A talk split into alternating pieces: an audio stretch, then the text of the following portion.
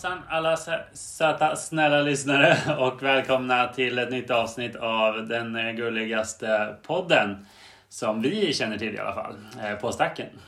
Jajamän. Eh, jag som pratar just nu heter Edvard och med mig har jag Harry. Och vi sitter hemma hos mig och spelar in i Stockholm. i den stora staden Stockholm. Och eh, vi tänkte som brukligt tacka våran eh, stödpatrull. Eh, Nick som har gjort vårt fina omslag. Marcus som har gjort våran snygga jingle.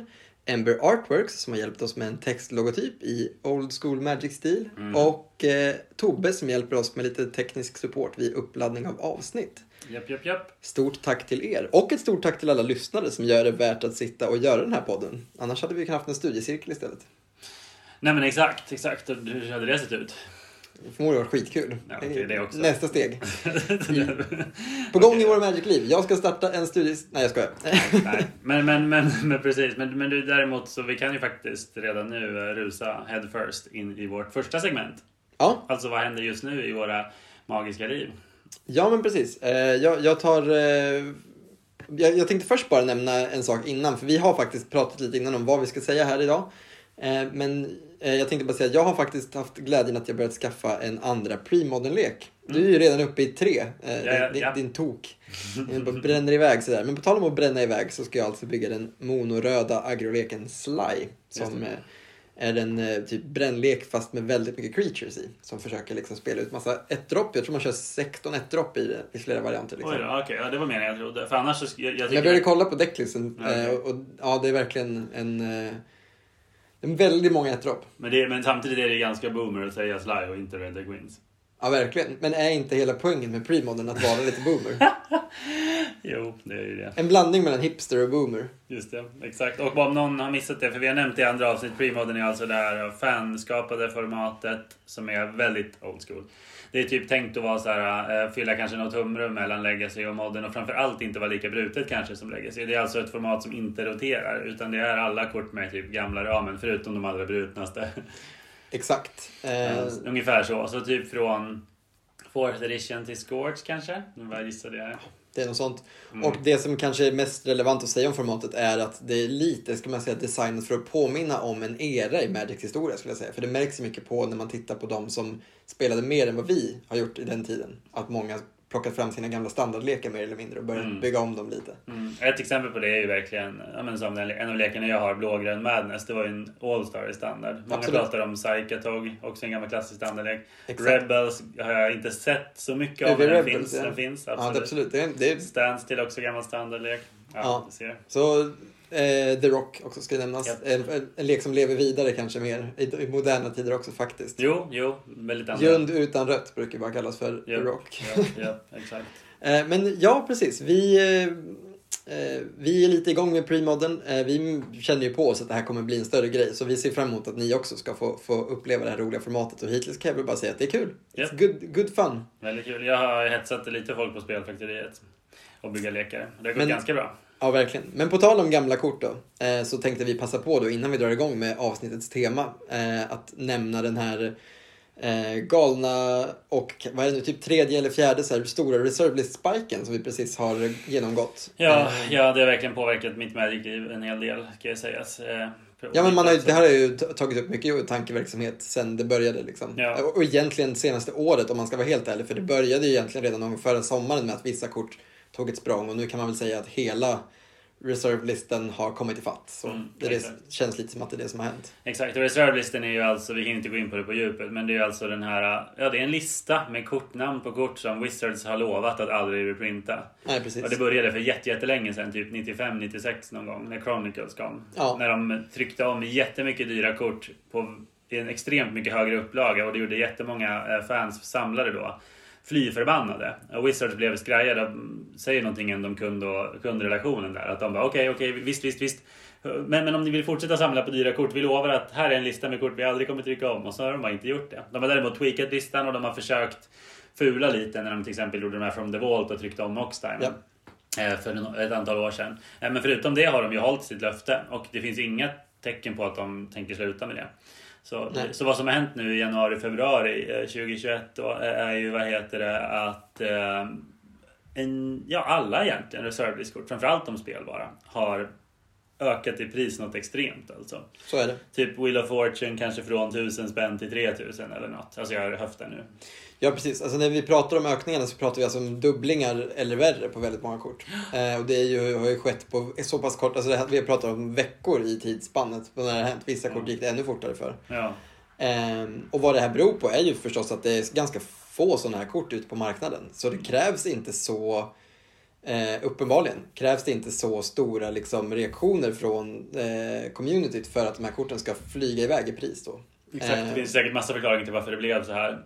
En är väl, handlar väl lite om att många investerare och samlare har lite insett att, eh, eller tror i alla fall, att eh, många modern, alltså nya kort, att Wizards reprintar ju nya bra kort i en högre utsträckning än vanligt. Till exempel i Strixhaven då har de ju avslöjat att de kommer släppa praktiskt taget masterpieces i varje pack. Och det är ett Mm. av flera exempel på att Wizards faktiskt inte sparar på krutet när det kommer till reprints. Så 2020 såg vi otroligt många produkter med reprints. absolut. Jag tror att många, även jag kanske känner lite så här, oj alltså värdet på mina bra nya kort är instabilt. Mm. Let's go old school. Och sen tänkte, och sen det är precis vad många har gjort. Ja. Sen pratas det också om bitcoin-miljardärer som går in i spelet. Som manipulerar marknaden, köper upp allting. Jag har hört rykten om att man kan så lägga alla bra kort i sin korg på card market så det ser ut som att de inte finns till salu. Mm. Och sen du vet, hålla på så. så jag, alltså, vi vet ju inte exakt hela Nej precis, och det ska sägas, det finns säkert många, det, svaret är ju förmodligen att det finns många förklaringar. Alltså till exempel då att det kanske har börjat med att någon rik investerare har köpt mycket kort och att många andra då har hakat på en sån reaktion att folk liksom bara inte vill missa tåget igen och hoppat på det här direkt när det börjar hända. En annan förklaring skulle ju kunna vara att vi spelar mindre eh, just nu på grund av den globala pandemin. Vilket leder till att de formaten som kanske drivs på mest av spel, eller de korten eh, vars värde drivs på mest av att de vill spelas med, eh, förstås tappar i värde. För vem ska köpa dem när vi inte får några nya modernspelare som vill komma in och köpa playset av eh, fetchar och sådana saker. Ja, Så det skulle också kunna påverka- Ja, men precis. Omspelare. men för det är en till faktor i det här som vi inte ens har nämnt att vissa kort också bara blir sämre med tiden. Alltså kort som har dominerat i format är inte längre de bästa av sitt slag. Eller, alltså även om de är bästa av sitt slag så har de inte en plats längre. Och det leder ju också till att kortet blir mindre attraktivt. Så hur coolt det kortet än är, om inte folk vill köpa playsets av det så kommer det förstås påverka priset jättemycket. Mm. Så inte bara reprints utan också att fler kort blir tillgängliga på marknaden för att de inte har en lika given plats i sina bästa format. Så det där tror jag är en jätteintressant... Eh, man ska inte, jag tror att det, det, man vill gärna ha ett lätt svar. Till exempel att bitcoin-miljardärer har hoppat på tåget eller att det är... Eh, folk har plötsligt insett att reservist är eh, det hetaste liksom och att det är där man vill ha sina kort. Men jag tror det finns det är en samling förklaringar som tillsammans leder till det här och därför är det också svårt att säga att det här är kommer fortsätta och för att vi vet inte. Nej visst, visst. Det är väldigt mycket FOMO också. Det måste ju bara sista grejen att slänga in där. Alltså Mm. väldigt mycket folk, och det känner vi igen. Att man bara så här, jävlar, alla hoppar på tåget nu. Alla shoppar. Jag får inte missa den här chansen. Så köper jag också och så köper du också. Så har vår kompis som, åh men dags att köpa. Och då bara bup, bup, bup, bup, bup, liksom. Ja. Och då blir det verkligen ett uppblåst pris. Som så här, vem ska betala det här liksom? Kanske ingen. Och kanske kommer det lugna ner sig. Det här är bara kanske. Precis, men det är det som är så viktigt att komma ihåg att genom all, det här har hänt ett par, tre gånger förut under vårat samlande liksom. Mm. Att det varit sådana dramatiska ökningar utan någon direkt förklaring i metat. Alltså det har inte varit som att ett kort har bannats eller att någon ny lek har dykt upp utan ökningarna verkar ha skett väldigt mycket bara på spekulation så. Mm.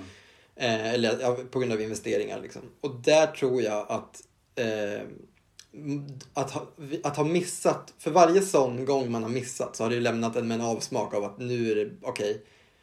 nu är det lika bra att köpa då fast att det gått upp. För det kommer säkert gå upp en gång till. Men där vill jag väl passa på att säga att det vet vi inte. Alltså vi, det är ju ett väldigt obeständigt värde på något sätt ändå i de här produkterna. Även om historien pekar på att saker är på väg uppåt. Ja. Eh, ja, det är svårt att säga varför en liten papperslapp ska vara värd så mycket pengar. Det är, Ja. det är oklart. Ja, jo, men både och verkligen. Alltså, ibland känns det konstigt, andra gånger känns det rimligt. Men det är i alla fall svårt, så kan vi vara överens. Ja, Alltså, att, att, att, att göra det. Och, och vi vet ju båda att vi har ju, det är så otroligt lätt att vara efterklok. Alltså så extremt. Alltså, speciellt Mm. när det kommer till investeringar. Att man tänker så mycket på alla deals man inte gjort. Eller de alla dåliga deals- deals man har gjort. Eller dåliga deals man har gjort, exakt. Och kanske inte lika mycket på de bra deals man har gjort. Men det där är ju verkligen ett stort eh, och lite jobbigt samtalsämne. Jo men det är det ju. Och som vi har pratat om lite bakom kulisserna så är det någonting som vi behöver hitta en bra approach till som passar våran podd. Sådär. Det finns ju många bra influencers redan som pratar om det här eh, på ett väldigt öppet och liksom bryskt sätt. Och jag föreslår att man lyssnar på dem om man vill veta mer. För att det finns så, om man känner att det här är ett samtalsämne som man är intresserad av och orkar höra, höra på. Men vi har inte riktigt hittat våran ingång i det som matchar liksom profilen för våran podd riktigt, får jag väl ändå erkänna. Mm. För det, jag tycker det är ett svårt ämne att prata om på det, vårat det här lättsamma och roliga sättet. För att det blir ju ett väldigt, alltså lite så här monokel och hög hatt och pengar, pengar, pengar. Det är Ja. inte så jävla kul alltid. Men med det sagt, eh, utan att göra det här till en ännu, ännu längre, så på gång i våra Magic-liv, så vill jag bara säga att eh, Ja, eh, håll gärna koll liksom, på de här sakerna för att det är en del av spelet. Om du tycker att det är spännande och intressant så finns det mycket att läsa på Reddit. Det finns mycket att eh, lyssna på på Youtube faktiskt. Många duktiga, smarta människor som pratat om det här. Och eh, hör gärna av er om ni har några frågor eller funderingar så, så ska vi göra vårt bästa för att svara. Eh, Men det, ja, det är verkligen intressant när de här grejerna händer. För varje gång blir man ju på något konstigt sätt nästan lika förvånad och förstår liksom inte Ja. hur, Ja, hur det kan bli så. Nej men precis. Precis. Så, eh, vi har faktiskt ett helt annat tema för det här avsnittet egentligen. Som jag skulle säga typ är så långt bort från en eh, reserve-lista av gamla kort som man kan komma inom våran kära spelhobby. Så är det. Och det är ett tema som jag tror har varit liksom long overdue. Eller åtminstone...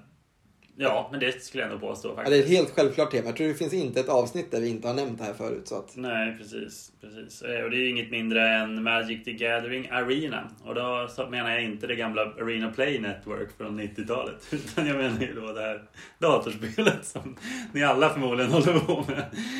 Magics eh, satsigaste digitala, eh, vad heter det? Ja, största digitala satsning helt enkelt. ja, men verkligen. Ehm, Och- Och, det, och det sättet de flesta kanske spelar på nu. Men det kommer vi på, in på nu i temat. Jajamän. Ja, för det är ju lite roligt med Magic Arena. Det har ju ändå någon slags eh, motkultur till exakt det vi satt nu och ojade oss lite över med reserved list och liksom gamla kort. Och det, alltså både jag och Harry är ju stora, så här, eh, vad heter det, konnässörer av gamla kort. Vi älskar gamla kort, inte bara de dyra utan alla gamla kort. Alltså de fula som ligger i någons gamla låda också. Liksom. Att Exakt. gamla kort har en speciell plats i ens hjärta. Visst, skratta åt de här riktigt fula ospelbara gamla haggorna.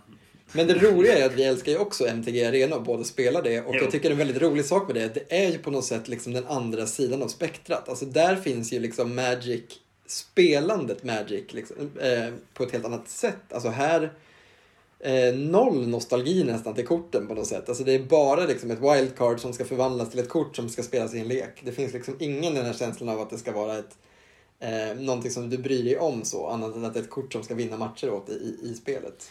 Ja, så inte det till de som började precis när Arena kom i typ Ixalan där och nu tänker åh wow, kommer ni ihåg dinosaurieleken? Så jävla retro. Vintage. Jo, men ändå, de kommer ju aldrig göra någonting av med de korten. Det är inte som att de kommer behöva trada dem eller det är inte som att de kommer behöva liksom... Nej, de de kommer inte få tillbaka de wildcardsen. Det blir ju väldigt onostalgiskt i jämförelse. Det blir, man skulle på något sätt kunna säga att samlargrejen där har en helt annan aspekt på grund av avsaknaden av en andrahandsmarknad. Visst, visst. Ja. Ja, men vi kommer säkert in mer på det. Men först och främst, vad, ni vet ju redan det här, men Arena är ju alltså The Magics jättesatsning som kom för tre år sedan kanske. Nu gissar jag här. ja, något sånt är det. Det är inte jättefel i alla fall. Nej, exakt. Eh, Som då eh, ska vara en modern digital klient. Så. Eh, Ja, verkligen. motsats kanske till Magic Online som vi pratade om i ett tidigare avsnitt. Ja, i avsnitt fem ja. Om Exakt. digitala Magic-spel. Precis. Och jag tycker väl att, som vi säkert nämnde då också, att det inte är radikalt att påstå att det var, kom lite som ett svar på spel så som Hearthstone.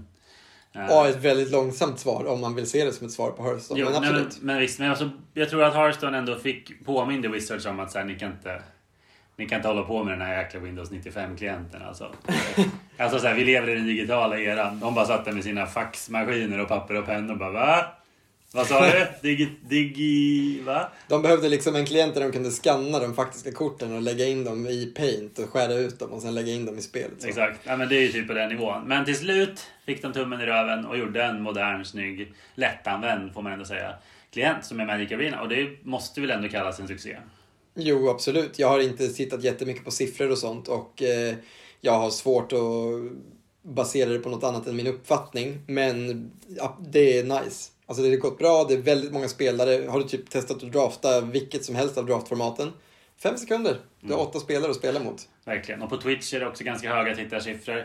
Youtubers eh, spelar ju i regel på Arena. Alltså ingen snack om saken. Det Och de har flyttat över hela pro-scenen till arena i princip. Ja. Så Arena är här... Arena, jag kan inte prata. Arena. Arena, arena ska man skrika. Precis. Arena är här för att stanna. Så är det ju verkligen. Eller hur? Ja, det får man väl ändå säga. Aruna. Absolut. Jag var fel varje gång nu. Aruna. Det är konstigt, det är inte svårt ord att uttala. Det är ju kul som satan också. Det är det som är grejen. Alltså skitsamma vilken effekt det har haft för Wizards och, liksom hur stort det är. Jag måste bara säga att det är ju roligt. Det är ett roligt sätt att spela Magic på. Exakt. Och det, den känslan är ju allt för en sån klient. Absolut. Så vi kan ju börja med att säga det. Eh, vad heter det? Att det är...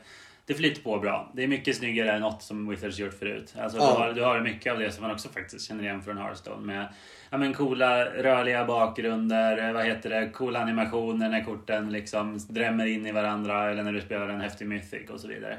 Eh, Det, och, och sådär. Det, man, det är tydliga stora bilder som man ser. Det funkar, det funkar liksom på något Ja, sätt. visst. Jag tror många har varit oroliga just att så här, jag tror även det kanske, det känns som att du är kanske är någon som tidigare skulle kunna sagt att så här, men det som Magic Online är clunky men det måste vara så för att de här komplexa reglerna ska funka.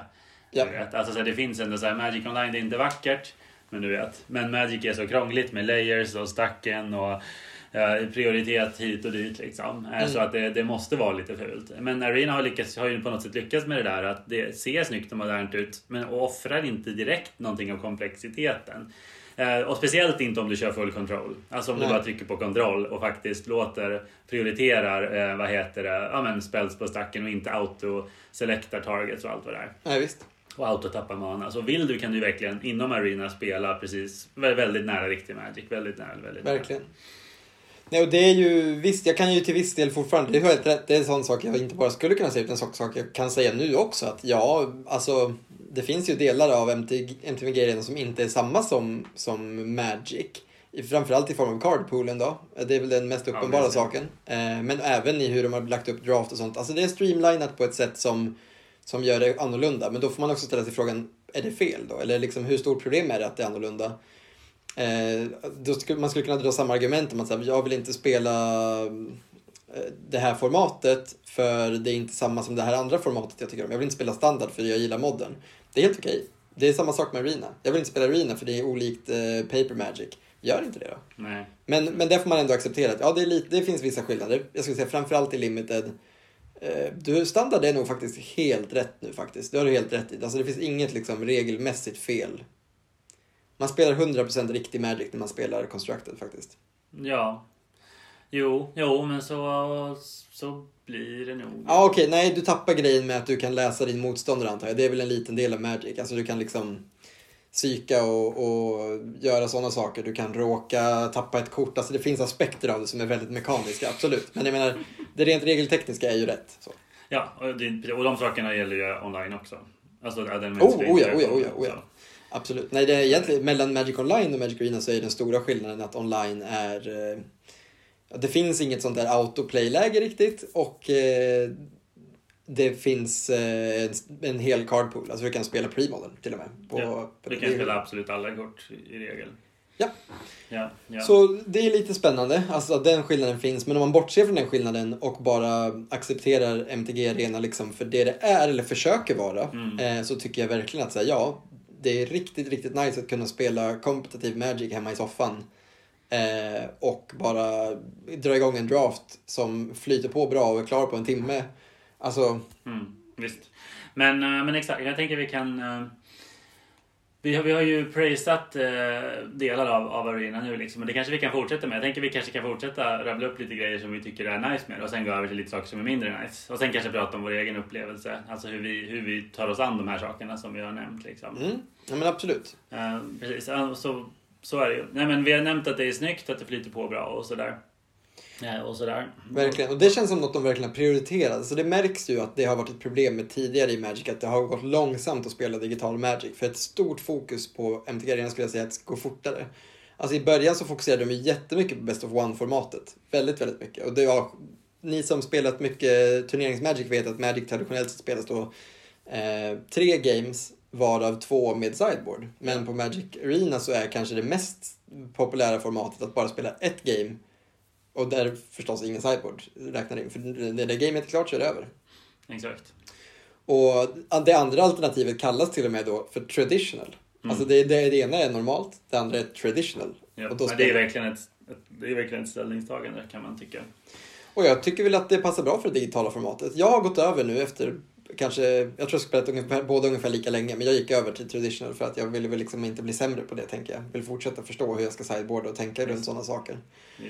Ehm, men ja, finns för och nackdelar. Det är skönt med det här snabba också. En dålig matchup är över väldigt snabbt. Det är skönt. Ja, jag spelar ju dumt nog nästan bara bäst av andra. Det tänkte jag komma in på lite mer senare, alltså på ens egen filosofi. Vilket så här, Ja, det är roligt att vi har olika ingångar där. Ja, exakt. Men, precis. men jag tänker vidare så måste jag väl ändå, alltså, men, men ändå vad heter det, prisa eh, Arena för att det ändå är ständigt uppdaterande. Alltså det händer grejer ofta. Mm. Det märks att de, att de lyssnar. Även om de, det fortfarande finns dåliga beslut som vi kommer till. Men att de ändå fortsätter liksom uppdatera klienten.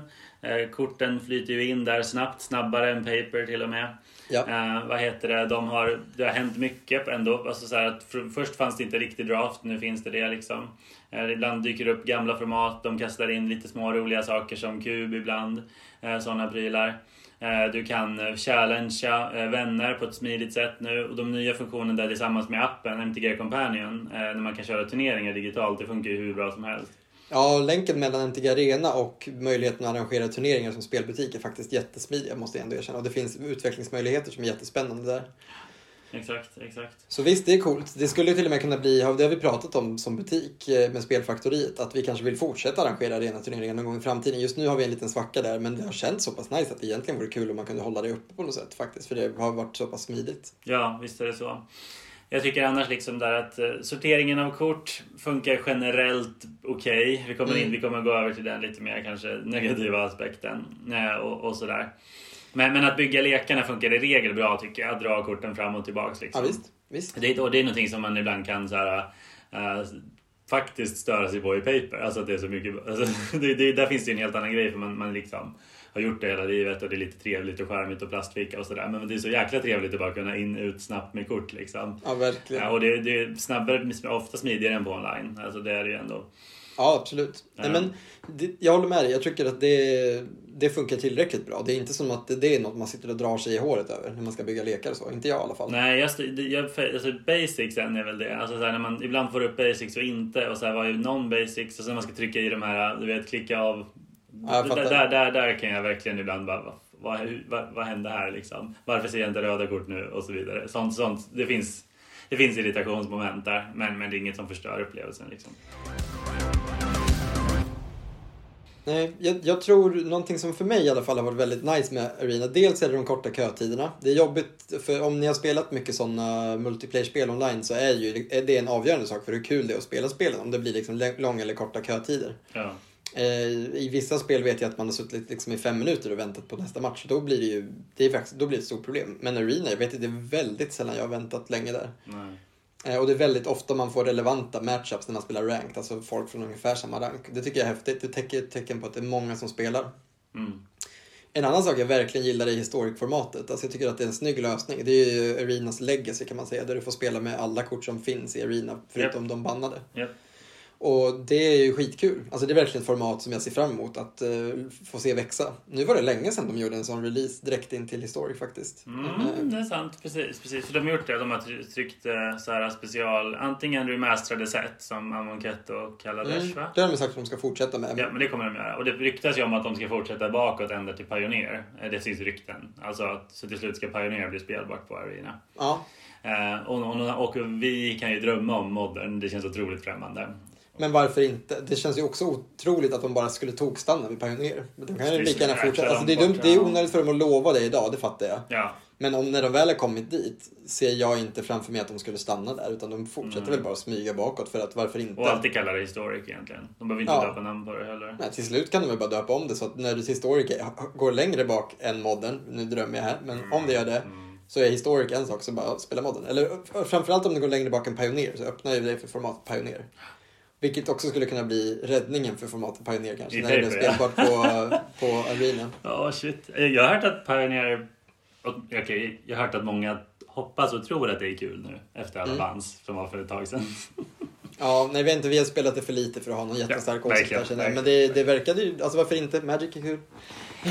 Jo, det hade ju potential. Folk älskade Pioneer i början. Men Mm. ja, det är en avstickare. Men ja, du har rätt. Jag tycker också Historic är kul. Alltså det känns som ett eget format och det står på egna ben liksom. Ja, verkligen. Det har egna lekar liksom som inte är liknar något annat. Riktigt. Nej, precis. precis. Och eh, ja, men verkligen speciellt när de rensar upp med band som jag nyss nämnde. Eh, så, Mm. så kan ju formaten verkligen eh, blomstra. För att i perioder, självklart så är det alltid Magic, speciellt på senare tid. Alltså så är det svackor på grund av nya strategier som inte har, antingen vi inte hittat svar på dem än, eller så är de faktiskt bandvärdiga. Mm. Eh, och det, det, det såg vi ju här som jag redan nämnt några gånger. Ja men verkligen. Ja och i, man kan, där kan man ändå erkänna att när man spelar Magic online, alltså inte, när man spelar Magic på nätet så blir det ju mer strömlinjeformat än vad det någonsin kan bli när man spelar med sina kompisar i en butik. Jo. För hemma så finns det ändå en tendens att om tre personer bygger samma lek så kommer det vara ganska osannolikt att en fjärde person vill bygga samma lek och så vidare. För man vill ändå vara lite unik och, Mm, och så vidare. Många vill det i alla fall. verkligen. På paper så funkar det inte alls så. Utan är en lek tillräckligt bra så Online, kommer nej. tillräckligt... Ja, förlåt. I online kommer det inte funka så. Är en lek tillräckligt bra så kommer många välja den strategin och du kommer få en sämre spelupplevelse för att du möter samma strategi för ofta. Så, Ja, så, så är det eller, eller Miron, vilket de flesta tycker är tråkigt. I alla fall jag. Ja men verkligen, verkligen. Nej men det är bra, bra reflektion. Jag tror att vi har eh, lite glidit över nu i det här man saknar. För det, det finns det ju. Alltså, vi, vi är överens om att det bra med Arena är på något sätt att det, det funkar så pass bra att det är väldigt kul att sitta och spela. Ja, och det Det är, är, snyggt. typ det som är, i alla fall kontentan för mig, att det ersätter inte paper på något sätt, men det är tillräckligt nice för att jag bara ska kunna sitta och dörla någonting ibland. Och det är ju exakt det man vill. Ja, visst, visst, exakt. Men it's not all perfect of course. Nej men precis, det är ju ett ganska nyfött eh, fenomen ändå. Det finns fortfarande Mm. problem kvar. Åtminstone när man tänker Magic, för vi har så stora spann liksom. Alltså, Ja, det är så verkligen. gammalt spel. Det är snart Ja, men- 30-årsjubileum. När är det 30-årsjubileum? Inte många år, 93 då blir det väl? Ja, exakt. Det är två år 2023. kvar. Ja, det är sant. Ja. Mm. Det är inte lång tid. Det jag skulle vilja bara flika in som en första sån eh, kommentar innan vi börjar såga Magic Online, eh, eller Magic Arena, är ju, eh, i alla fall för min del, att två år är inte så lång tid. För i Magic-termer så tänker man sig att så fort den här klienten blev framgångsrik så tror jag ingen började tro att den skulle försvinna. Nej. Utan nu tänker vi man ju bara på hur den kommer se ut om ett, flera år. Eh, och att det är det som är intressant. Hur den ser ut idag är nästan mindre intressant än hur den kommer se ut om ett år. Mm. Eh, För de stegen som de tar framåt kommer ju påverka oss under en längre tid. Tänker jag i alla fall. Och några saker som, som de mest, för mig i alla fall, centrala problemen är dels hur eh, segt det går med deckbuildingen om man ska spela gratis. Ja. Eh, jag, jag fattar att det finns en sån... Eh, det finns förmodligen en väldigt, väldigt strikt kalkyl för det här för dem. Att det måste vara tillräckligt segt för att det ska vara värt för folk att köpa gems. ja. De har ett, ett in-game currency då, som är gems som du kan köpa för pengar eller spela ihop över en lång tid. Liksom. Mm. Och om du skiter i att köpa så tar det lång, lång tid för dig att få ihop så pass mycket kort. Jag, för mig just nu, som questar liksom, jag gör mina quests Mm. och jag spelar väl inte alltid upp de här daily-gulden, men en del av dem i alla fall. Jag skulle säga att jag kan bygga två lekar per set. Om jag ska bygga helt nya lekar. Om jag råkar ha mycket kvar från ett tidigare set, då är det förstås en annan historia. Men ja, man får ihop någon, en till två lekar per, per Magic-set liksom. Visst. Eh, vilket ändå betyder att man måste vara du konst- betalar, du köper inga gems. Inga gems. Jag köpte en gång det här eh, bundle för Just nyspelare just för att så här, Det var ganska bra deal. Exakt, det är väl för att vänja folk vid tanken med att betala säkert. Någon sån grej. Ge dem en liten sån här provsmakning. Mm. Sen har jag inte köpt. Eh, och verkligen pass no judgment på de som köper. Jag förstår att det är ett kul, det är ju ett askul spel. Varför skulle man inte få köpa delar av det? Speciellt om man inte får spela paper. Exakt, så, så verkligen inte alls. Jag tror att det är bara jag som är lite så här. Jag lägger hellre mina, kort på, eller mina pengar på annat. Typ Eh, fakt papperskort. papperskort, exakt. Jag är inte på något annat än papperskort. Men, Samma här.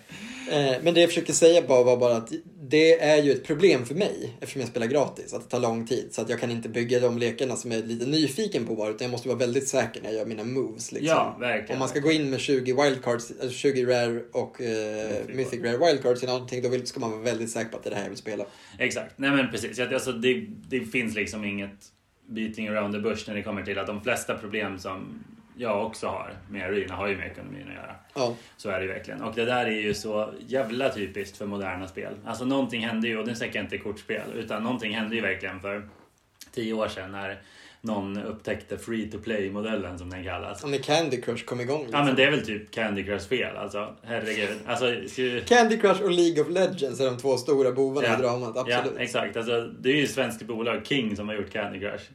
Men det är ett av de största. ner deras Liksom, jävla, vad heter det, kontor på de vägen tjänar hem så sen. snuskigt mycket pengar. Ja, ja, ja. I alla fall. Och det är ju just det där att äh, modellen förkortat går mer eller mindre ut på att så här, locka in folk genom att det är gratis. Eh, Men då bryt ner dem till att de börjar vänja sig mer vid tanken på att betala för, för antingen kunna spela på det sätt de vill eller för att blinga, alltså stå ut, köpa cosmetics, eh, köpa skins och sånt. Ja, Foils, motsvarigheten till foils liksom här ja. eh, card frames och snygga basic länder och allt det är. Eh, och det är det liksom. Alltså ge folk lite guld av att spela så att de fortsätter komma in. Eh, men inte riktigt så mycket så att de kan spela spelet Precis. till sitt fullo liksom. Det finns ju två delar. Dels är det att det, det är bra att det är gratis för det lockar in så pass många spelare. Att det även lockar in de som är köpenägna. Alltså att du och jag sitter och spelar gör ju att det blir liksom en kritisk massa så att det blir kul att spela spelet. Ja. Så det behöver ju vara tillräckligt billigt för att vi ska vilja spela det utan att spendera pengar. Så att man även får med sig de som kan tänka sig att spendera pengar. Visst. Och det roliga är att jag har ju varit nära på att eh, casha typ de här snygga Old Border Basicsen. För jag bara, men det här är kul, det här riktar sig till mig. Jag fattade det. Så det här är Jag var nära också. Det var riktigt svårt att låta bli. Första gången som jag bara, men kanske. Men å andra sidan hade jag nog payat med gems. Men andra- man får nog se sina gems ändå som pengar. Mm, på något det sätt. är de. Det är ju pengar man har spelat ihop liksom. Ja, visst. Ehm, så det var nära. Men, men jag ska ändå säga att det, den aspekten av det eh, är ett, ett av problemen som jag vet inte, det är lite speciellt kanske. Snar, snarare än att det, det är, ju- man kanske inte kan kalla det för problem heller för att who are we ki- kidding? Det är klart de måste ha något sätt att tjäna pengar på det. Visst, men pengar hade de ju tjänat oavsett. Det är ingen snack om saken. Hur menar du? Jag menar, de, det, finns, det finns alternativ menar jag. Till exempel, och det kommer jag till, just för att en av de core problems med det systemet är nu är ju att du inte kan, du kan inte trada och det är så här, jag fattar typ det. Men du kan ju heller inte dusta som det heter i Hearthstone. Alltså ett, om du har ditt kort så har du det. Det finns inget sätt att byta det eller bli av med det. Och det känns verkligen som att där faller ju en stor del av Magic bort. Som vi pratade om i början av det här avsnittet med trading och, och sälja kort och investeringar och sådär. Här finns det noll av det liksom. Det finns inget sätt att förvandla dina kort du inte längre vill ha till fler kort. Och det känns ju bara så här. Det är en så stor del av the gathering liksom ändå. Alltså Mm. bytandet, samlandet. Här har du noll. Alltså i Hearthstone kan du slänga ett kort och få åtminstone typ en fjärdedel av värdet tillbaks. Eller hur? Alltså så, här, så. Och här kan du inte göra det på något sätt. Du kan heller inte crafta, köpa de här wildcards. Vi förtydligar det. Wildcards är alltså så du får egentligen de, exakt de kort du vill ha. Alltså, Mm. Du kan byta en guld wildcard mot ett rare, vilket som helst. Och en uncommon mot ett uncommon, vilket som helst. Och så vidare. Och när det är gjort så har du det kortet och då är det done. Liksom. Det finns inget going back därifrån. Sen kan du också få kort såklart från att öppna boosters. Och när du öppnar boosters får du också wildcards. Ibland med tur, ibland också, du får dem också garanterat. Var sjätte booster får du ett rare wildcard och så Ja. vidare. Men, men, men, men grejen är att det finns ju inga sätt att köpa wildcards. Alltså när du köper gems så köper du ju för att kunna köpa boosters. För att kunna öppna boosters. För att kanske få korten du vill ha. Och kanske få wildcards. Eller hur? Jo, fast du får ju också ish wildcards. Ja, du för, får får, sjätte. för du liksom. får för boosters. En Absolut, av dem Men, det, men, men samtidigt är det ett otroligt ogästvänligt system om man jämför med hur Magic funkar annars. Du vet, buy singles, buy singles säger de. På Arena bara, you can't buy the singles. Du måste köpa boosters, rippa dem och, och sen är det bara en gamble hur många wildcards du...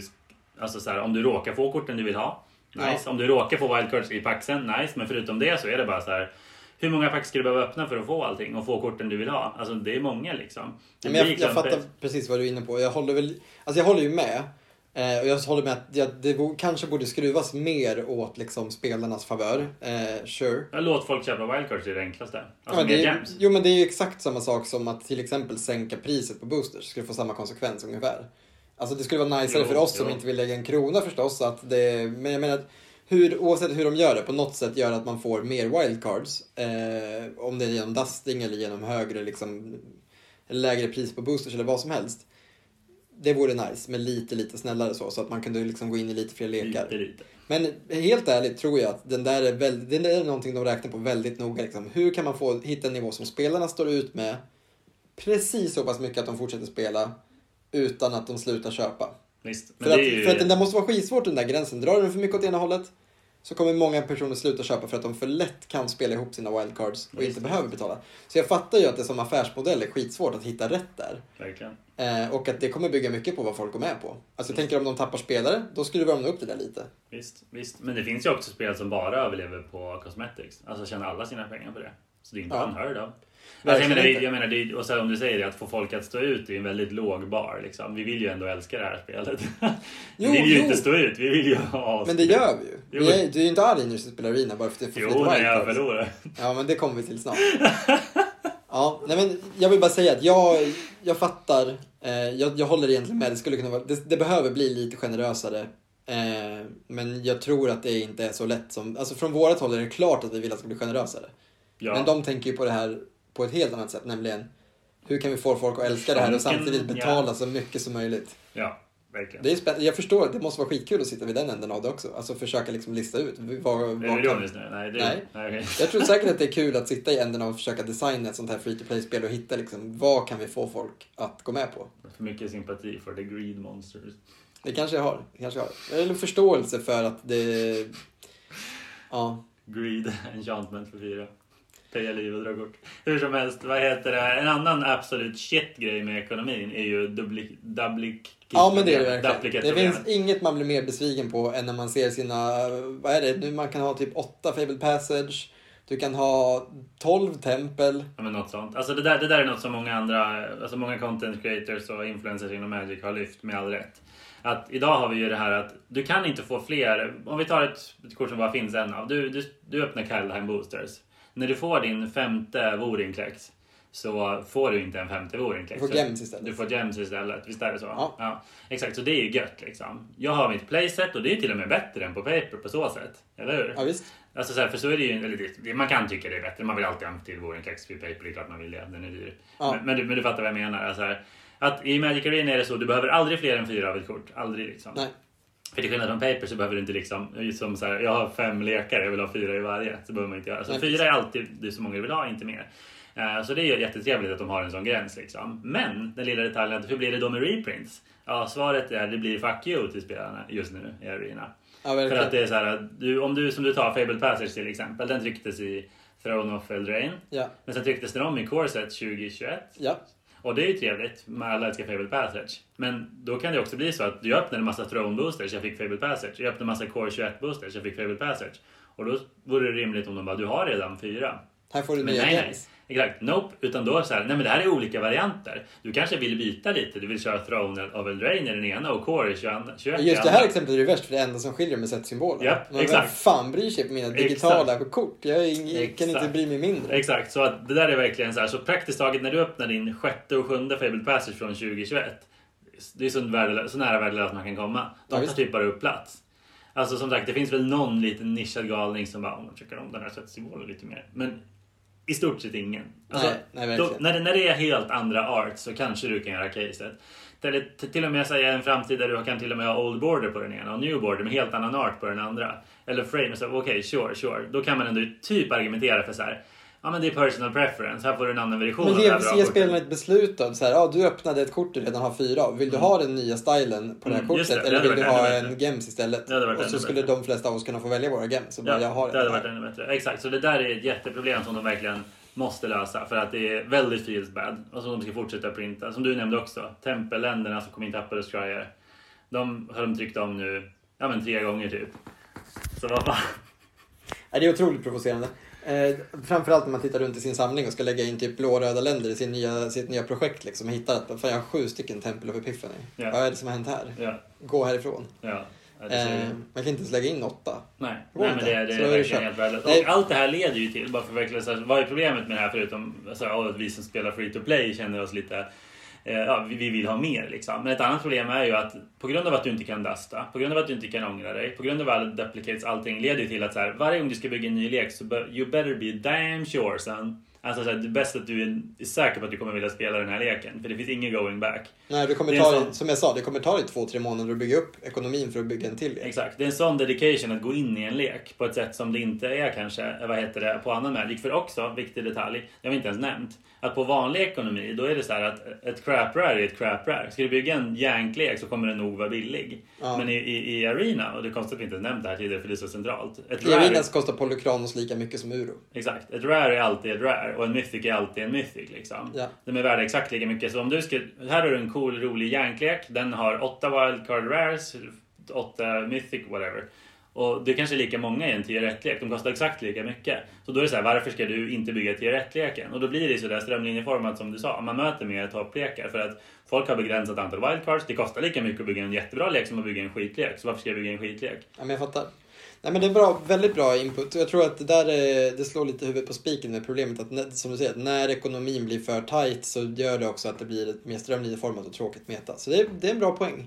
Och Ja. frågan är ju då, om man tänker så, hur mycket de skulle förlora på att släppa på ekonomin lite mer och bara ge folk lite mer frihet i sitt byggande. Det kanske skulle vara värt det. Du har en bra poäng. Det vore kul om de bara så här eh, jankstämpel på vissa kort. De kostar bara en halv rare wildcard. Oh, det är lite så här som gamla filosofin runt reserve. Det var en rolig sak som vi inte nämnde när vi pratade om reservelist förut. Att en konstig grej med det var att ett tag så när reservelisten fanns så kunde ju ny, alltså när de tryckte nya kort så sa de också bara de här 20 korten från det här sättet kommer också vara på reservelist. Mm. Det var lite som att de själva så pekade på några kort och sa det här är de coola korten i det här sättet. De andra raresen är liksom beta rares. Exakt. Här är Kändes det, alpha rare, kändes det exemplet är väl kanske från Ursa Saga. Ja men de här coolaste länderna och... Också kul att just, eh, vad heter det, Gaia's Cradle blev förstås reserve list. Medan andra länder i samma cykel som Shivan Gorge inte var reserve list. Det är så blatant att de bara fattar att så här, den här är sjukt. Tower är inte heller reservelist. Nej exakt, Nej. de bara, det här är sjukt mycket bättre än de andra i cykeln.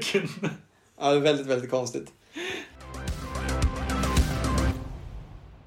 Mycket roligt. Ehm, Så vad, ja, jag tänker att vi får flyta vidare lite i, i temat. Ehm, För vi har en sak som vi båda gillar vet jag, som vi inte har nämnt, är ju de här konstiga små quirky grejerna i det här. Eh, För en sak som är lätt blir på nätet när man spelar online är att det blir toxic. Så i Arena finns det ingen chatt. Nej. Det har liksom varit deras lösning på att det är toxic. Och som, de har också varit väldigt försiktiga med vilka emotes man kan göra. ja. Eh, länge fanns det begränsat med modes, det var svårt att vara dryg. Problemet är att det går alltid att vara dryg. Det går alltid att vara dryg. Så, så fort du kan säga thanks så kan du vara dryg. ja. Så, och det kan du säga. Så att så Ja, fort det är någon... som skrattgubben på Facebook. Den är till för att man ska reacta på roliga bilder. Men väldigt den, ofta- den används till att någon lägger upp typ en nyhet på Aftonbladet. Så här, jag är kränkt över det här. Alla bara skrattar. Alla bara... Exakt. Nej men så är det verkligen. Så att någon typ så här gör ett missplay och du bara thanks. Bara ah, okej, du har lyckats förolämpa någon fast Ja. du bara har fem emotes.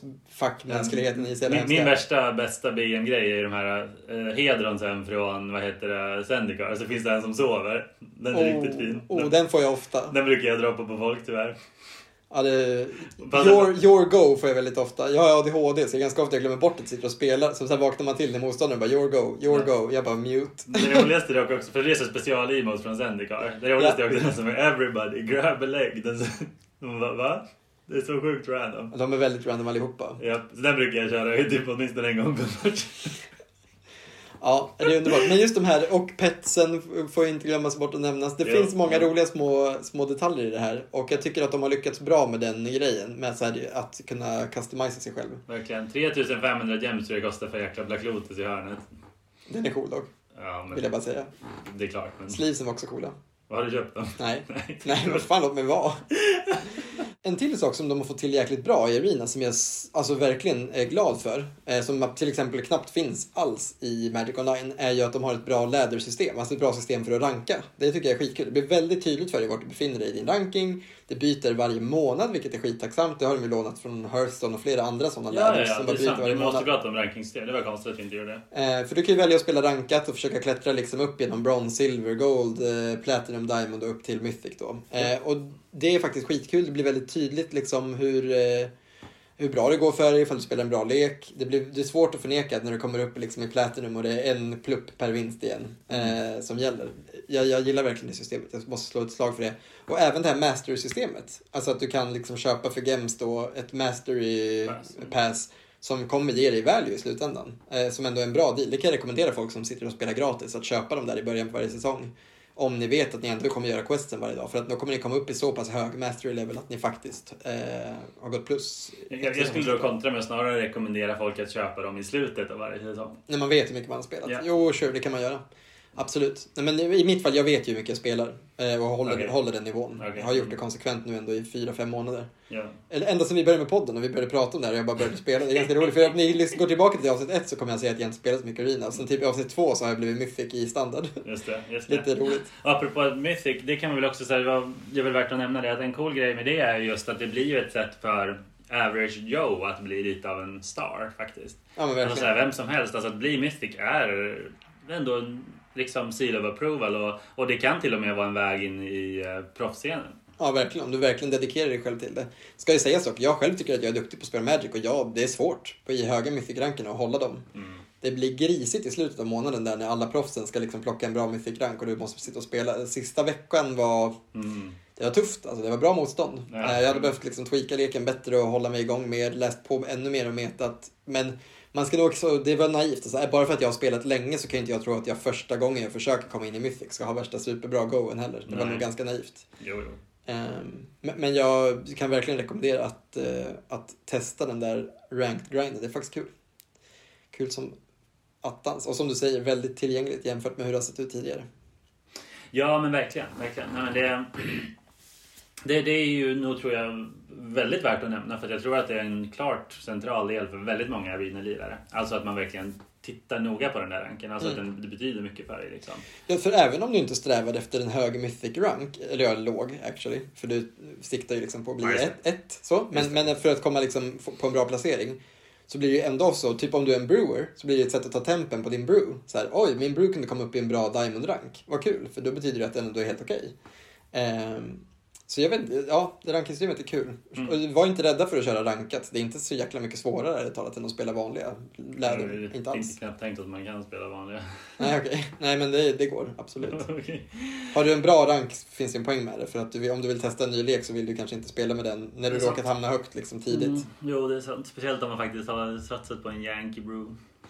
Så, vi kanske ska försöka gå in i liksom, eh, avrundningen av temat genom att prata lite om så här, framtidsspaningar. Alltså vart tror vi att, att Arena är på väg? Eh, och en sak som jag vet att Wizards har pratat om men som vi inte har sett så mycket av än, än är en större koppling mellan Arena och Paper. Mm. Eh, Det har de pratat mycket om till oss butiker bland annat. Att så här, det, eh, var beredda på att snart kommer det komma. Och det roliga är att sen kom Corona, så jag tror inte det här har hänt. Jag tror att det kanske var planerat att hända mer.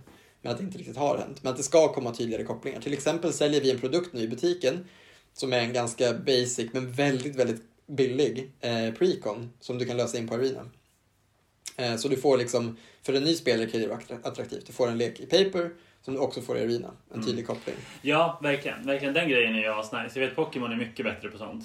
Ja, verkligen. Jag. Absolut. Jag ska inte säga för mycket. Jag. Nej men, nej men du har rätt, de har mer sånt att om du öppnar en booster tror jag du kan få samma booster i din Ja, digitala samling. liksom.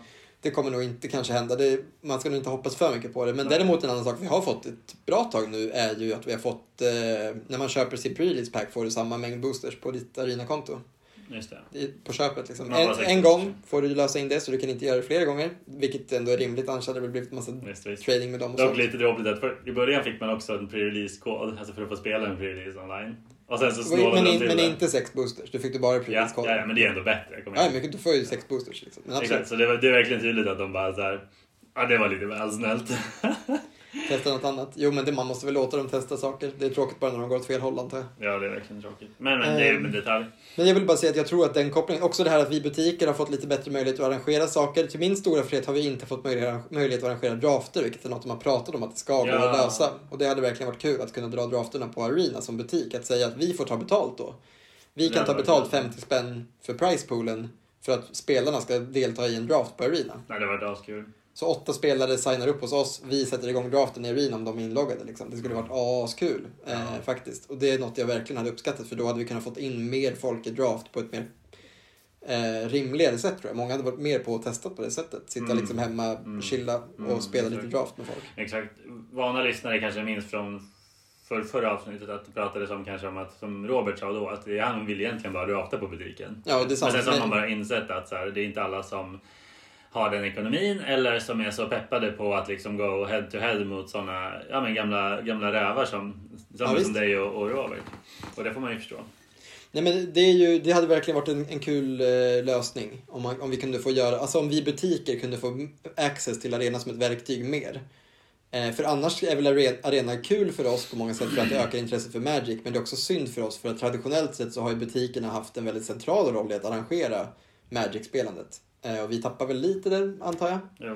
Skitsamma. Jag tycker verkligen på riktigt att det är mycket som det som händer med Arena är positivt för spelet. Ehm, Det blir ju liksom ett sätt för folk att komma igång med competitive Magic. Men med det sagt så saknar jag ju samtidigt eh, ja, men den, den, att det, jag hoppas att framtiden för Arena är att det blir mer ett verktyg för butiker och så. Mm. Ehm, Jag hoppas förstås också på det vi redan har nämnt, att ekonomin blir lite generösare. Jag vågar dock inte säga att jag hoppas att den ska bli jättegenerös, men det vore coolt om vi kunde börja dasta kort och sånt.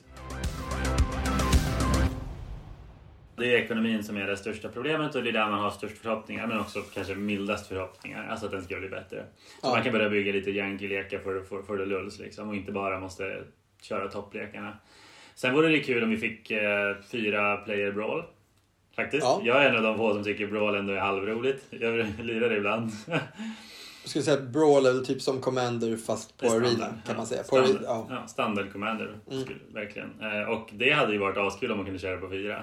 Jo, Med risk för att behöva sitta så jäkla länge och vänta och behöva trycka sömniga hedron-emoten lite väl ofta när folk är sega. Men förutom Sure. det så. Speciellt om man kan köra med polarna. Tänk att, ja, ja men exakt. Det, det känns ju mer lockande i så fall. ja. Och, Så det, jag håller verkligen tummarna för. Samma med Tour of the Giant. Då var det ja grymt. men multiplayer helt enkelt. Ja. Att det vore kul. Ja. Inte bara Brawl, herregud. Kanske till och med Commander i så fall. Varför inte? Ja, men senare åtminstone. Och väldigt bra input faktiskt. Det, det tror jag skulle tycka var kul. Och en annan spaning som jag har, som vi redan har varit inne på också, men som måste lyftas här igen, är ju att de går bakåt i historien att det är något man ser fram emot. Alltså kanske mest för historic-formatets skull, alltså att det kommer bli coolare och coolare med varje sätt som läggs till. Och eh, vi modernspelare blir ju liksom bara gladare för varje sätt som närmar sig eh, Mirrodin, ärligt talat, eller, eller eh, Mm, visst. eh, 8th edition. Ja. Och för, för det tror jag ändå, Blood Moon på Arena. It's gonna be there. Den kanske bara dyker upp i en sån här... Uh, uff. Nej, nu ska jag inte hoppas på för mycket. Jag- tar tillbaka till det jag sagt det. Uh, Kärlis på Arena. Ja. Vile på Arena. Kom igen. Ja, exakt. Come on you cowards. Eh, nej men helt ärligt, vad sägs om uh, Historic Horizons? Hit me. Alltså, Ja. det vore coolt. Jag jag är i alla fall, de, de grejerna jag är taggad på. Och jag ser fram emot att ha, oavsett vad som händer i mitt, liksom, eh, mitt fysiska liv. Alltså om vi fortsätter ha en butik för all framtid, om vi eh, fortsätter spela Magic med de kompisarna jag spelar med idag för all framtid, så vet jag att genom Arena kommer jag kunna fortsätta ha tillgång till Magic. Och det är också, vart tror jag att det här är på väg?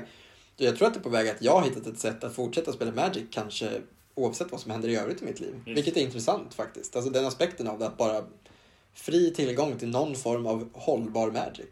Det är coolt. Verkligen. Ja, men det är bra. Eh, tänkte... En sista. Mobiler, snart. Just det. Det är på gång nu faktiskt med Magic i mobilerna. Och det har ju varit en sån här stor, varför finns det inte? Och det har ju svaret varit att det är väldigt plottrigt jämfört med typ eh, Hearthstone. Japp, Alltså det är mer saker som händer, svårare att klicka. De jobbar ju på det. Ja, visst, och det kommer verkligen bara suga murren ur batterierna på väldigt många telefoner. Ja, verkligen. Alltså, det är dags att skaffa en, en, ny Android tyvärr. Det verkar dröja för oss Det är iPhone-ägare. väldigt få Androids. Det är ett, par Androids det funkar på nu, så det är väldigt mycket betastadier. Ja. Men, men, det, men det kommer.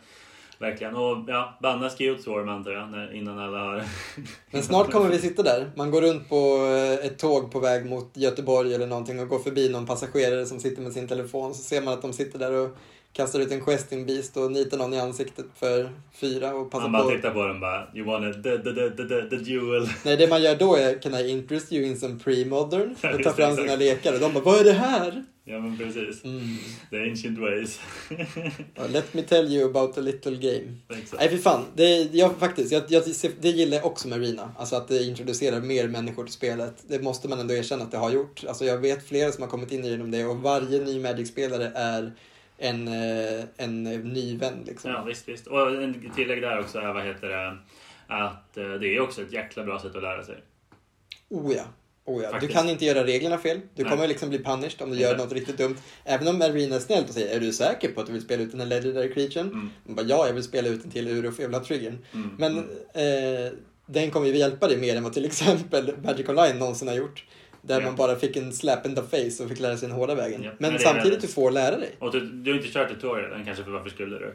Men, eh, men det finns ju en tutorial på Arena Mm. som är väldigt pedagogisk. Jag tvingade min tjej att testa den och sådär. Ja. Jag hade en kompis också som nämnde så här, men det vore intressant med Magic. Och då det enda jag kunde rekommendera var ju så här, alltså ladda ner Arena och kör tutorial. Alltså det, Så jäkla bra. Ja, alltså jämföra med typ back in the day liksom med Portal, man satt med pamfletten kan jag tänka mig liksom. Och så här, det stod så här, ja men du vet, turn your grizzly bears 90 degrees to the right to attack. Now your opponent intercept. Men jag tycker det är, det är roligt att du tar upp det här för det är också för oss som butik och för oss som community en väldigt intressant aspekt av det. Att när man träffar nya spelare som är intresserade att det förr eller senare nu för tiden dyker frågan upp. Men har du kommit igång på Arena än? Inte som frågan eh, är du intresserad av Arena och sånt utan mer typ som, nästan som en självklarhet. Ja, men har du kommit igång med Arena? Mm. Eh, jag är faktiskt förvånad över hur pass många äldre spelare som inte har gjort det. Mm. Eh, men jag antar att det, ja, man är tveksam, man tänker att man vet vad man gillar men där får jag väl bara be er testa för att eh, jag var skeptisk men jag har, eh, har väldigt kul. Verkligen. En sista grej med Arena är ju bara det att eh, det suger att förlora. Ja, jo, är, du har lite problem med det. Det är så lustigt med mig. Jag, jag, jag, vi skojade lite om det innan men jag måste nämna så att jag, är ju, jag skulle inte säga att jag är en nerd rager i den klassiska meningen. Alltså så här, det är relativt verkligen. Ja, verkligen. Alltså, jag, menar, jag har inte kastat min handkontroll många gånger. Jag har inte slagit sönder något tangentbord och sådär. Nej, och du brukar Men- inte bli jättebitter om du förlorar i Paper Magic heller, måste jag väl erkänna. Exakt, men så snabbt det är online, så snabbt det är mot potentiella P12 liksom, eller något. Ja. Alltså jag, jag, man blir helt vansinnig att förlora två games i rad. Alltså det är bara så här, och toppdäcket för fyra, land i rad. Alltså man bara... Liksom, det, för det, det är så konstigt, det är så jävla skillnad för mig. Alltså vi satt och spelade Premoden du och jag här, här liksom nyligen. Mm. Och man, jag bara floddade, jag bara flodd, lol, nästa game. Vem bryr sig? Men på Arena bara... Ja, det är faktiskt jättekonstigt. Jag har ju inte alls den genen. Jag vet det är något, jag är liksom, det är fel på mig åt andra hållet. Jag kan liksom sitta och 0-3 två drafter i rad på flood och konstiga att de bara så här, kurvar med bara mythics typ. Och ändå bara, ah, okej synd. Ja, vad, skulle nej, jag, vad alltså- skulle jag gjort åt saken? Det är inte mitt fel.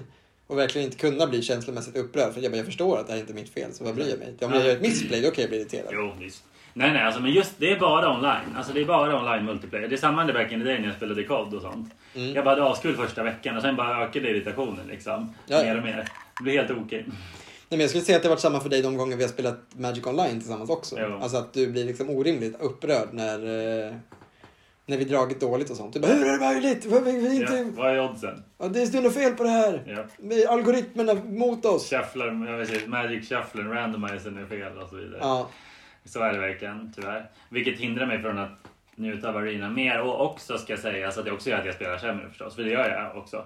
Och det ska väl också tilläggas att på grund av att det är på datorn så öppnar det tyvärr upp till en ohälsosam multitasking-nivå. Och den lider jag också av. Ah, ja. ja. Alltså så här, jag är verkligen ett barn av min tid på sämsta möjliga sätt. Alltså på Arena.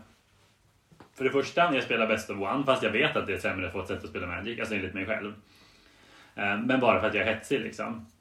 För att jag inte vet hur länge jag kommer kunna spela den närmsta halvtimmen kanske. Och jag multitaskar, jag har på musik eller i värsta fall Youtube-videos i bakgrunden. Eh, och, och liksom koncentrerar mig mycket sämre. Jag tänker inte igenom playsen ens halv, halva tiden jag gör på paper. Och sen så bara, nej, vad händer nu? Råkar spela, bara, ibland kan det vara typ såhär bara, spela den tredje swamp istället för mountain. Kan inte flashbacka kroxa liksom. Och bara, ja det var det gamet. man bara, ups. Alltså man bara klantar sig liksom på ett sätt jag aldrig skulle göra annars. Riktigt illa. ja. det är väldigt konstigt. Varför? Ja, Ja, det får vi fundera på. ja det får jag fråga min terapeut om. Ja, du får skaffa en terapeut först. Se, ring till vårdcentralen och säg att du har problem med att du inte blir lika glad när du spelar digital Magic som papper. Fråga vad det är för fel på dig. Ja, de bara, det är fullt mänskligt. Men Jag, jag kan Inget, det, är, det är doften av papperskorten. Ja. Lugna dig. ja. Nej men jättetrevligt att prata om Arena faktiskt och eh, framförallt jättetrevligt att spela Arena. Och jag, jag vill bara passa på att slå ett, eh, ett sista slag då för att, komma, att ni ska komma igång om ni inte redan har gjort det. Eh, för ni har Quest som väntar på er och de kommer inte att klara sig själva. Så är det. Så är det. Så eh, tack så jättemycket för att vi fick en chans att prata om det här. Men eh, det är inte över än. Vi har någonting att visa och berätta om i eh, ett segment som har vuxit snabbt till att bli det mest populära podcastsegmentet och som för fyra år sedan vann den stora podcastpalmen i Frankrike.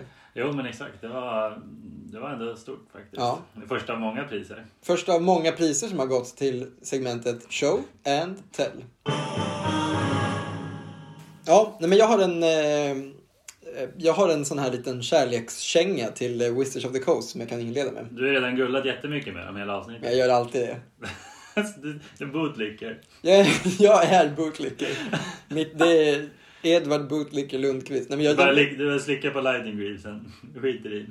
jag har till och med förlåtit dem för att de tryckte en grönblå fisk. Liksom. Det är inga gränser på min... Eh, eh, på min, min Du vänder andra kinden till. Som spelbutiksägare så har vi kontakt med många spelleverantörer.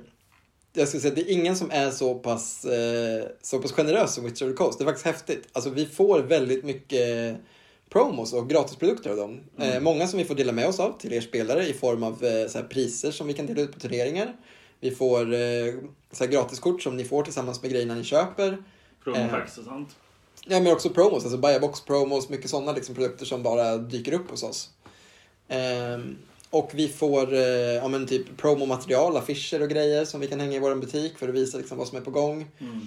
Eh, men det jag skulle säga nu var att mitt under pandemin så fick vi också en leverans av eh, Mystery Booster displayer som de från början hade tänkt sälja.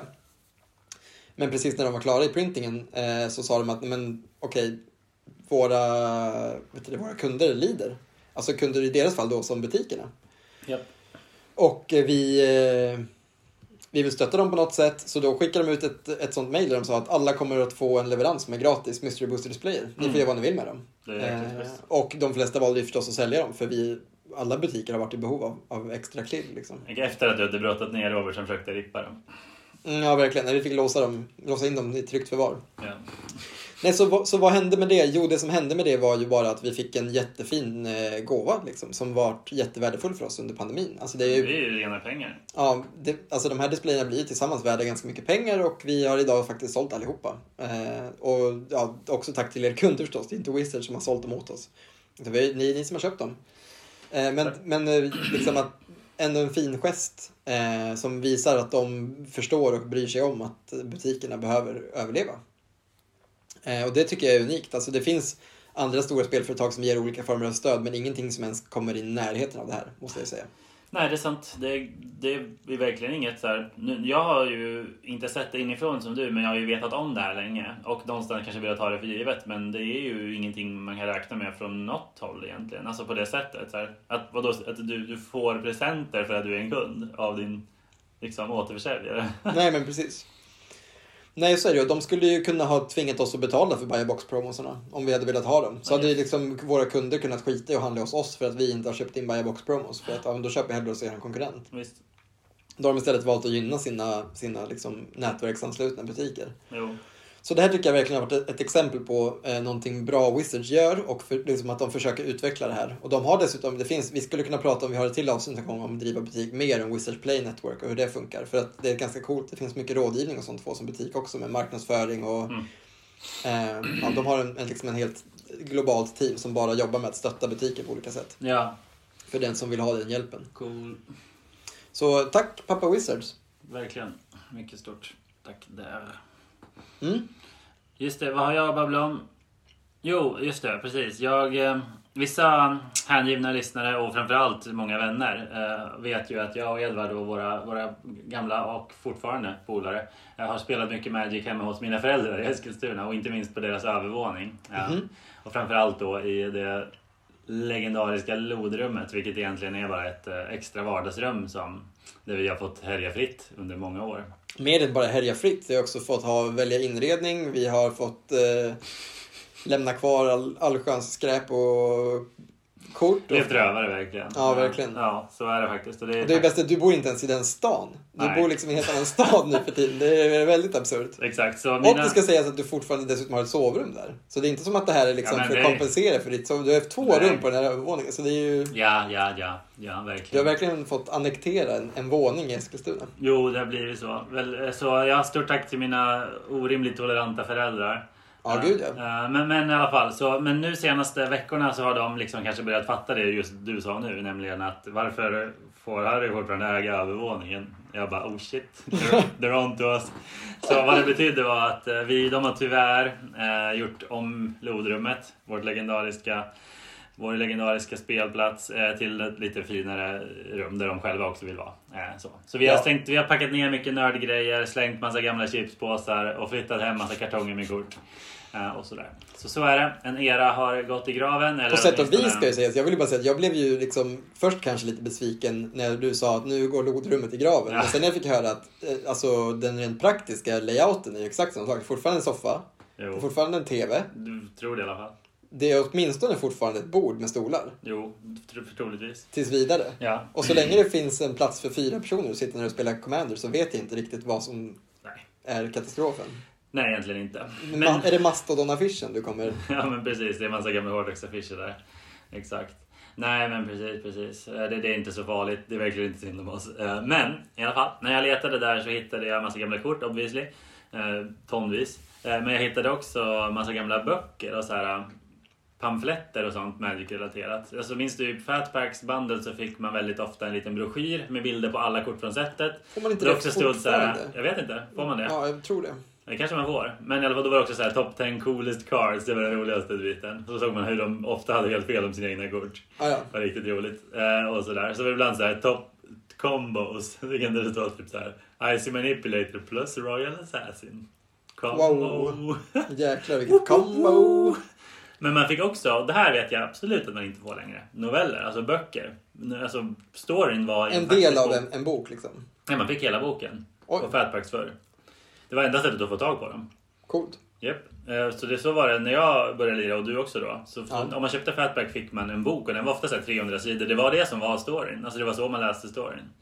Oj, det visste jag faktiskt inte. Jag trodde de sålde separat. Nope. Alltså Okej. jag, jag hittade kanske fyra sådana. Så om någon läs, lyssnare är lässugen så får ni gärna låna eller köpa dem av mig. Vad sägs om eh, de eh, rafflande äventyren i Lorvin eller Mirrodin eller Futuresight? Inte illa. Vad var ens storyn i Futuresight? Jag vet inte fan.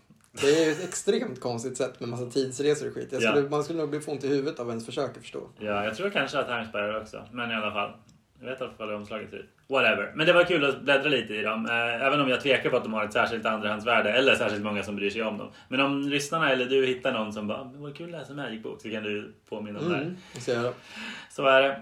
Jag hittade också en riktigt rolig bok, typ ganska stor, eh, som då var, som hette typ Encyclopedia Magic the Gathering. Så då var det alltså ett försök, tappert försök, det här var typ 96, att samla alla kort. Så det är bilder på alla, inom citationstecken, Magic-kort som fanns då. De Det var alla som det var det. Every Ja. Magic card. Och roligt hur snabbt saker blir äh, åldras dåligt alltså. Eh, Så det var så bilder på absolut alla kort. Och sen såklart, ett halvår senare så var det inte det längre. Och nu är det åh, en tiondel av alla kort. Ja, gud vilken färskvara. Mm. Men då så, vi kanske ska så att säga avrunda. Ja, men verkligen. Som sagt, det här, det här är, ett sånt, det här är nog ett av de avsnitten vi flest gånger har sagt det här behöver vi göra ett avsnitt om. Jo, Så nu får vi ändå säga att det var skönt. Ja. Vi eh, kommer äntligen kunna börja hänvisa tillbaka till avsnitt om Arena, när vi Mm. pratar om Arena. Det är väldigt tacksamt att ha ett sånt här bibliotek. exakt. Precis, så det var avsnitt 11. Kanske första avsnittet av säsong 2 på stacken. Pratar vi i säsonger? Det beror väl på hur man ser det antar jag. Jag tror inte vi har kommit dit än, men eh, varför inte? Varför inte? Ja? Harry började föreslå att Det vi, att vi varje gång vi, går block. till, varje gång vi går till jämn siffra så ska vi ha en sån topp 10 inom en creature type som en tradition. Till Ja, åtminstone någon slags topp 10. Om ni tycker att det är en bra idé så kan ni väl skicka ett PM eller skriva en kommentar så Exakt. får vi fundera. Exakt. Nytt block tycker jag det står. Nytt block på stacken. Nytt block av Bosaka, vi har roterat. Ja. De gamla avsnitten gäller inte längre. Allt vi sa då är preskriberat. Japp. Vi har, vi har, vi har, vi har exakt. Jag gillar inte ens Commander längre. Precis, precis. Exakt, på stacken har ansvarsfrihet nu. Ja. Tack Yes. så jättemycket för att ni har lyssnat på det här avsnittet. Vi som har gjort det här gör det för att vi tycker att det är stört kul. Och vi hoppas att ni också har trevligt när ni lyssnar. Eh, vi vill också passa på att tacka för den fina feedbacken vi har fått på sistone. Många som har hört av sig och tackat för en, en bra podcast. Och vi är lite förvånade över att ni gillar vårt eh, snack förstås. Men också jätteglada att det funkar, för vi tycker det är himla roligt. Eh, Så fortsätt gärna ge oss eh, beröm när det är eh, befogat och säg gärna till också om det är någonting ni tycker att vi eh, kan bli bättre på. Så är det. Like, comment and subscribe med andra ord. Verkligen. Och missa inte våra eh, sociala medier förstås. Facebook och Instagram. Japp. Mm. Och eh, Clubhouse. Nej. Nej. Nej, vad är det? Exakt. Du, du vet på riktigt inte. Jag har bara sett, är det någon mega-hypen. som har invites till Clubhouse? Ja, precis. Ja. Ja, jag har ingen aning faktiskt. Men, Men om det är någon som har en invite till Vill du Clubhouse? ha en? Nej. Nej. Skicka en till Harry. Exakt. Jag har, jag har en. Det är klart du har. Jävla stockholmare. Ja, men jag har inte använt den.